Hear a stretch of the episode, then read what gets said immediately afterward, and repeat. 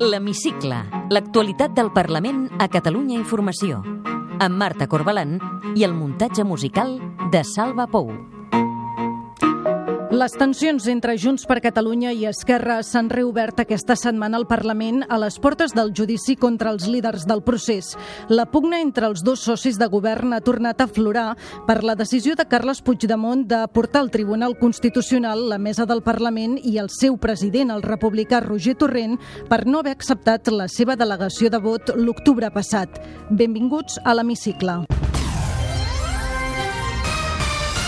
L'Hemicicle, l'actualitat del Parlament a Catalunya Informació.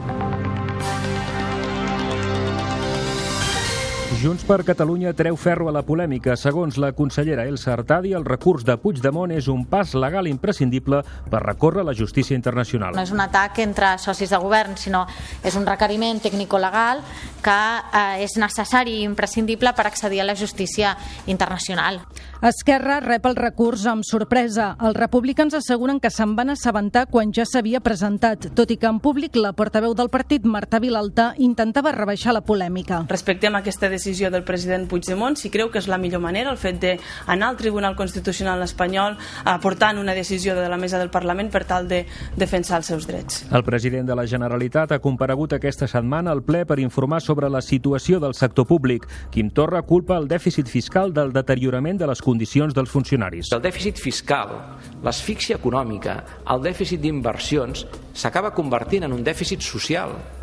La cap de l'oposició, Inés Arrimadas, replicava amb aquestes paraules. Cataluña está en la cola de derechos laborales de los trabajadores públicos y estamos en la cabeza de creación de chiringuitos. I avui ens contestarà en una frase el qüestionari de l'hemicicle. Hola, sóc en Sergi Sabrià i malgrat li correspondria a l'Oriol Junqueras, eh, malauradament avui he de fer jo de president del grup parlamentari republicà.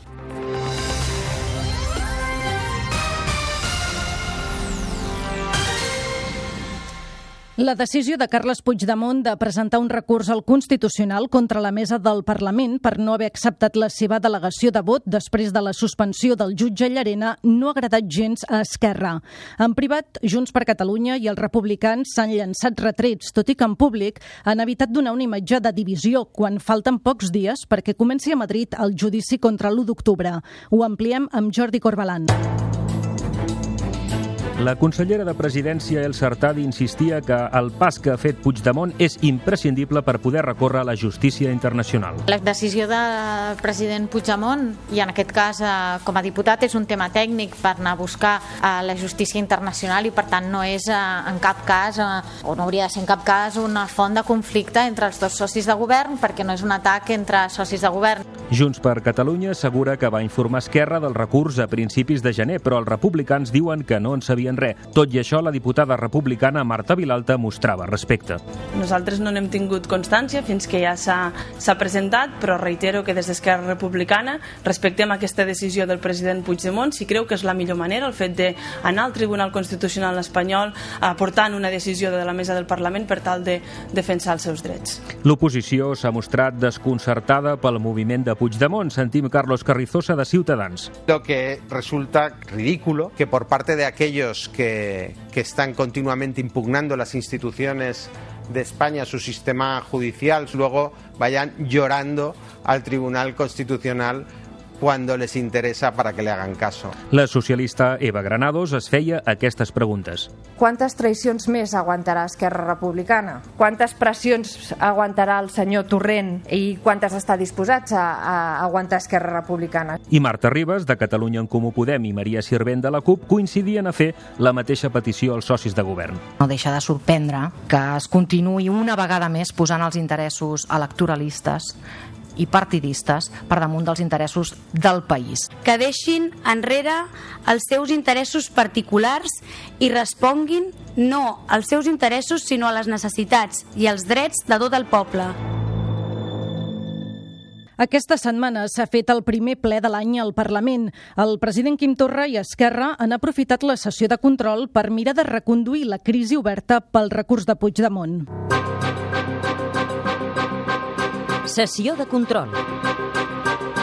Tot i que no hi va haver referències directes a aquesta polèmica, Torra i la portaveu republicana Ana Caula feien una crida a la unitat a les portes del judici contra els líders del procés. Tots els que creiem amb el dret de l'autodeterminació de Catalunya davant d'aquest judici hem d'estar més units que mai, perquè és un judici contra el poble de Catalunya i la resposta l'haurà de donar el poble de Catalunya, aquí, en aquesta cambra. Tant el govern com també el Parlament ens conjurem per protegir els ciutadans de Catalunya, les institucions i el mateix autogovern català amb complicitat plena i a tota hora. La cap de l'oposició i líder de Ciutadans, Inés Arrimadas, exhibia a Torra un cartell amb el missatge «La república no existeix» i el president retreia a Arrimadas que l'oposició no ajudi a solucionar els problemes. Le digo una cosa, señor Torra, tengo una mala noticia para usted. La República no existe, señor Torra, porque mientras usted está con su procés, con su referéndum, con sus viajes y escuchando más a Puigdemont que a los catalanes, se le acumulan los problemas. Nosaltres preferim treballar, ensenyar cartells, i preferim, preferim, preferim resoldre els problemes. El president del grup Socialistes Units per Avançar, Miquel Iceta, insistia a demanar diàleg a Torra. Jo crec que és molt important que el nostre país rebi senyals del nostre compromís col·lectiu, de les institucions, però també dels grups, en aquest diàleg polític. Som els del diàleg i som els dels drets civils i per tant nosaltres farem tot el que estigui a les nostres mans perquè hi hagi aquest diàleg. Ara, diàleg per dialogar tampoc és la solució. Torra també va aprofitar la sessió de control per anunciar la presentació aquest mateix dimecres d'una denúncia del govern contra la Policia Nacional per les 16 detencions d'activistes independentistes a Girona. El president va fer l'anunci després d'aquesta petició de la diputada de la CUP, Maria Sirvent. Li demanem al seu govern que deixi de reprimir els moviments socials amb violència policial i amb actuacions judicials i retiri la seva acusació particular de tots aquells casos que reprimeixen i criminalitzen la dissidència política. Aquest és un govern que està al costat de les llibertats i al costat del dret a tenir drets de manera il·limitada i sempre en contra de la repressió, sempre. Els pressupostos de la Generalitat també han marcat el ple d'aquesta setmana. Els comuns han refredat les possibilitats d'un acord amb el govern i, per tant, els pressupostos podrien no arribar-se a aprovar. S'encarregava de deixar-ho clar la presidenta del grup parlamentari, Jessica Albiach. On està la proposta de pressuposto social que se suposa que nosaltres en algun moment hem d'aprovar? Perquè el que estem veient fins ara és que estem a anys llum. Estem a anys llum. De socials no tenen res el que ens estan dient. Són els pressupostos més socials que ha presentat mai un govern de la Generalitat. Torno a insistir, i portem 10 reunions amb vostès, 10 reunions amb vostès explicant-los-ho. 10 reunions. I en plena negociació dels pressupostos, Junts per Catalunya i Esquerra han tombat una moció dels comuns que reclamava incrementar l'IRPF a les rendes més altes i també una reforma de l'impost de successions. El vicepresident del govern i conseller d'Economia, Pere Aragonès, demanava suport a tots els grups de la cambra per tramitar els comptes i el diputat dels comuns, David Cid, es queixava que no acceptin cap de les seves propostes. Si estan disposats a permetre la tramitació d'aquest pressupost, i no només a un grup parlamentari, sinó al conjunt de la cambra, cridem a que permetin a fer un gran acord polític per permetre la tramitació del pressupost. De les mesures concretes que nosaltres els hi proposem, ni una, pràcticament ni una. I algunes ja veurem si es compleixen. A petició del PSC i de Ciutadans, Quim Torra ha comparegut al Parlament per parlar del sector públic. El president de la Generalitat creu que el dèficit fiscal de Catalunya és culpable del deteriorament de les condicions dels funcionaris. El dèficit fiscal, l'asfíxia econòmica, el dèficit d'inversions s'acaba convertint en un dèficit social en un dèficit que atenta directament al benestar de les persones, a la prosperitat del país. Les explicacions del president no han convençut els grups de l'oposició. Sentim Inés Arrimadas, el socialista Pol Givert i Alejandro Fernández del subgrup popular. Cataluña está en la cola de derechos laborales de los trabajadores públicos y estamos en la cabeza de creación de chiringuitos, porque ustedes Senyora tratan Arrimadas. mucho mejor a los enchufados que a los funcionarios de Cataluña. President, és hora de traduir els tuits i les bones intencions en polítiques concretes. Els serveis públics no viuen de bones paraules. Una eventual intervención de la autonomía de Cataluña no es una amenaza. Waterloo es la amenaza. Y en su mano está cortar o no el cordón umbilical con Waterloo. L'Hemicicle. L'actualitat del Parlament a Catalunya Informació. Les compareixences avui, òbviament, no poden ser, eh, no, no podran ser. Els exconsellers empresonats no han pogut compareixer aquesta setmana a la comissió que investiga els efectes del 155. Havien d'anar-hi dimarts, però el Suprem encara no s'havia pronunciat sobre si autoritzava la compareixença. I això va indignar la diputada Gemma Geis de Junts per Catalunya, el republicà Jordi Orovich, Jessica Albiach dels Comuns i Carla Riera de la CUP. Tenen por que compareixin els presos i preses i expliquin el per què es va aplicar aquest 155 que va permetre eh, i va obrir una catifa perquè poguessin ser empresonats d'aquesta manera injusta? És això el que tenen por? Jo crec que sí. Per nosaltres, pel grup republicà, cal que Espanya decideixi d'una vegada si vol ser Turquia o si vol ser Estrasburg. El Tribunal Suprem torna a mostrar un menyspreu absolut en contra del nostre autogovern i a la sobirania del poble de Catalunya, que en definitiva rau en aquest Parlament. El Tribunal Suprem vol fer callar la veritat per imposar sistemàticament la seva mentida. L'hemicicle. L'activitat del Parlament ens ha deixat també aquests altres temes. El ple ha rebutjat que s'apliqui el 155 a Catalunya de forma indefinida. La moció, impulsada per Esquerra, ha tingut el suport de Junts per Catalunya, la CUP, els Comuns i també del PSC. Sentim el socialista Ferran Pedret. És una molt mala idea, eh, de totes totes, a part de ser directament inconstitucional, la idea d'aplicar un 155 permanent i perpetu. El Parlament ha convalidat el decret del govern per crear 750 noves places al cos dels Mossos d'Esquadra i 250 al cos de bombers. Miquel Buch és el conseller d'Interior. Caldrà seguir empenyent i seguim empenyent perquè amb aquestes mil places no n'hi ha prou. Ho saben vostès i ho sabem nosaltres.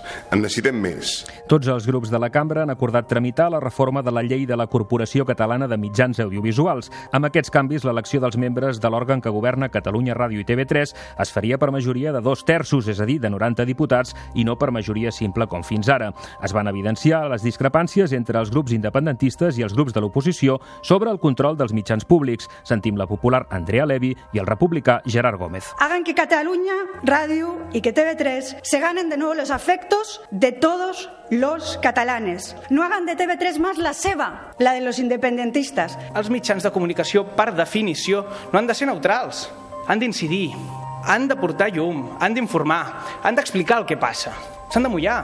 El conseller d'Educació, Josep Bargalló, ha aprofitat la sessió de control al govern per anunciar que es convocaran 15.700 places docents en el període de 3 anys. D'aquesta manera vol reduir el percentatge d'interinitat en el sistema educatiu públic. La voluntat del govern és situar l'interinatge al voltant de la xifra entre el 8 i el 10%, que és l'estàndard reconegut per l'OCDE. I Junts per Catalunya, Esquerra, els Comuns i la CUP han registrat aquesta setmana una petició perquè comparegui al Parlament el ministre de Foment José Luis Ábalos. Volen que doni explicacions sobre el bloqueig del vaixell Open Arms al port de Barcelona. El conseller d'Acció Exterior, Alfred Bosch, es comprometia a fer el que calgui perquè el vaixell pugui salpar. Arribar als acords del govern que siguin necessaris per tal de que els ports catalans, gestionats pel govern de Catalunya, doncs estiguin oberts a salvar vides.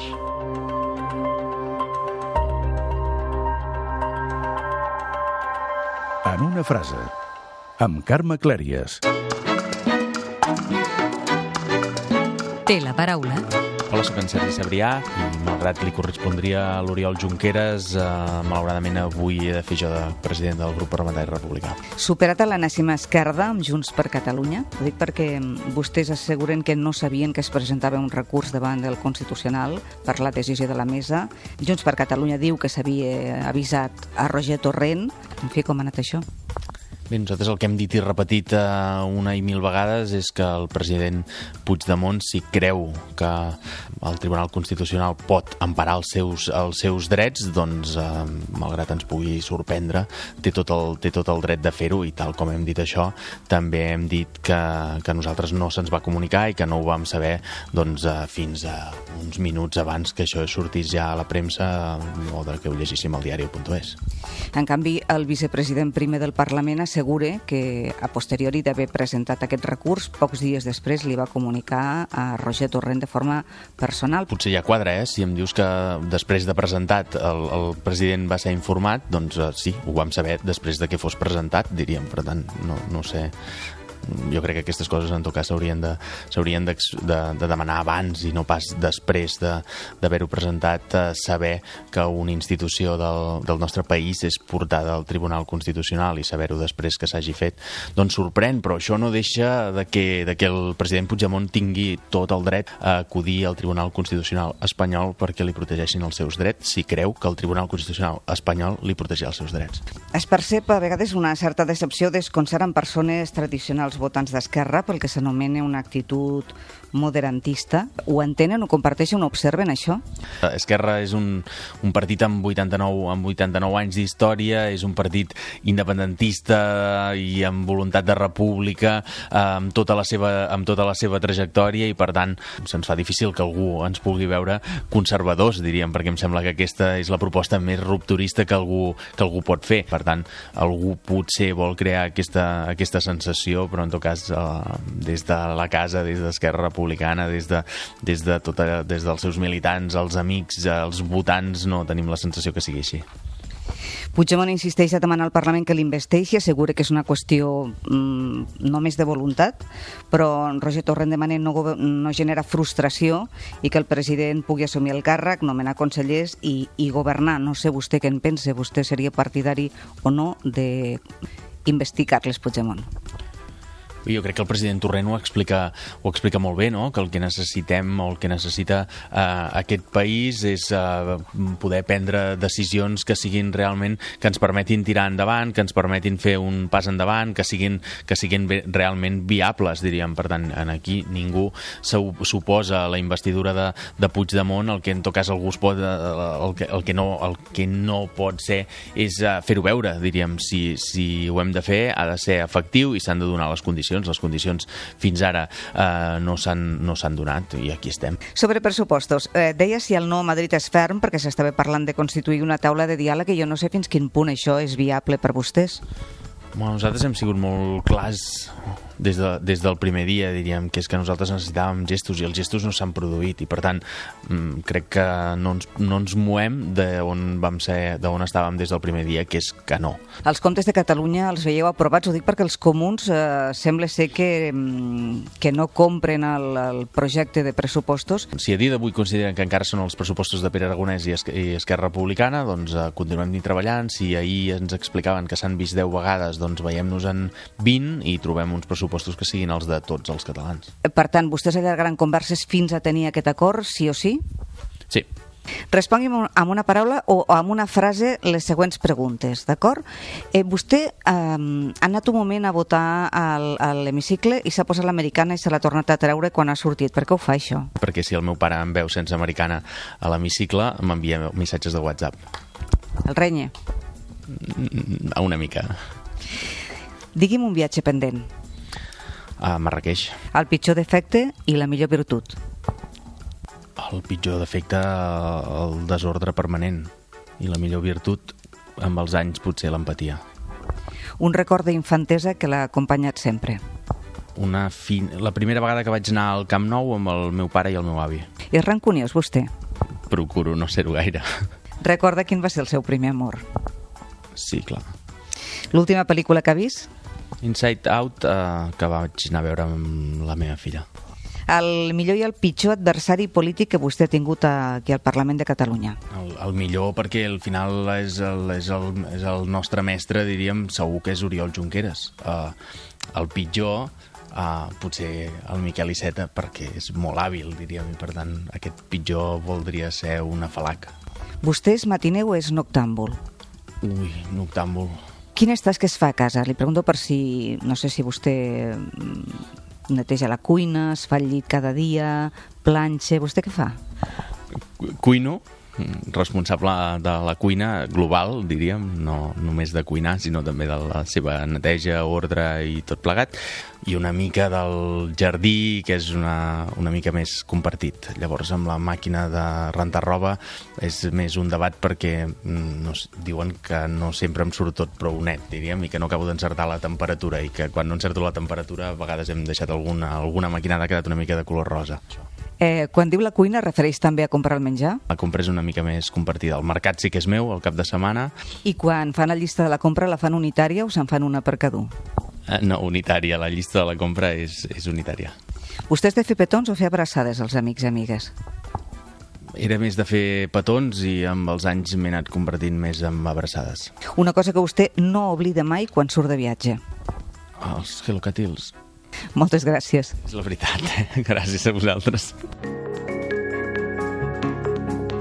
Podeu tornar a escoltar l'Hemicicle al web catradio.cat barra hemicicle o al podcast del programa i seguir l'actualitat del Parlament al perfil de Twitter arroba L-hemicicle.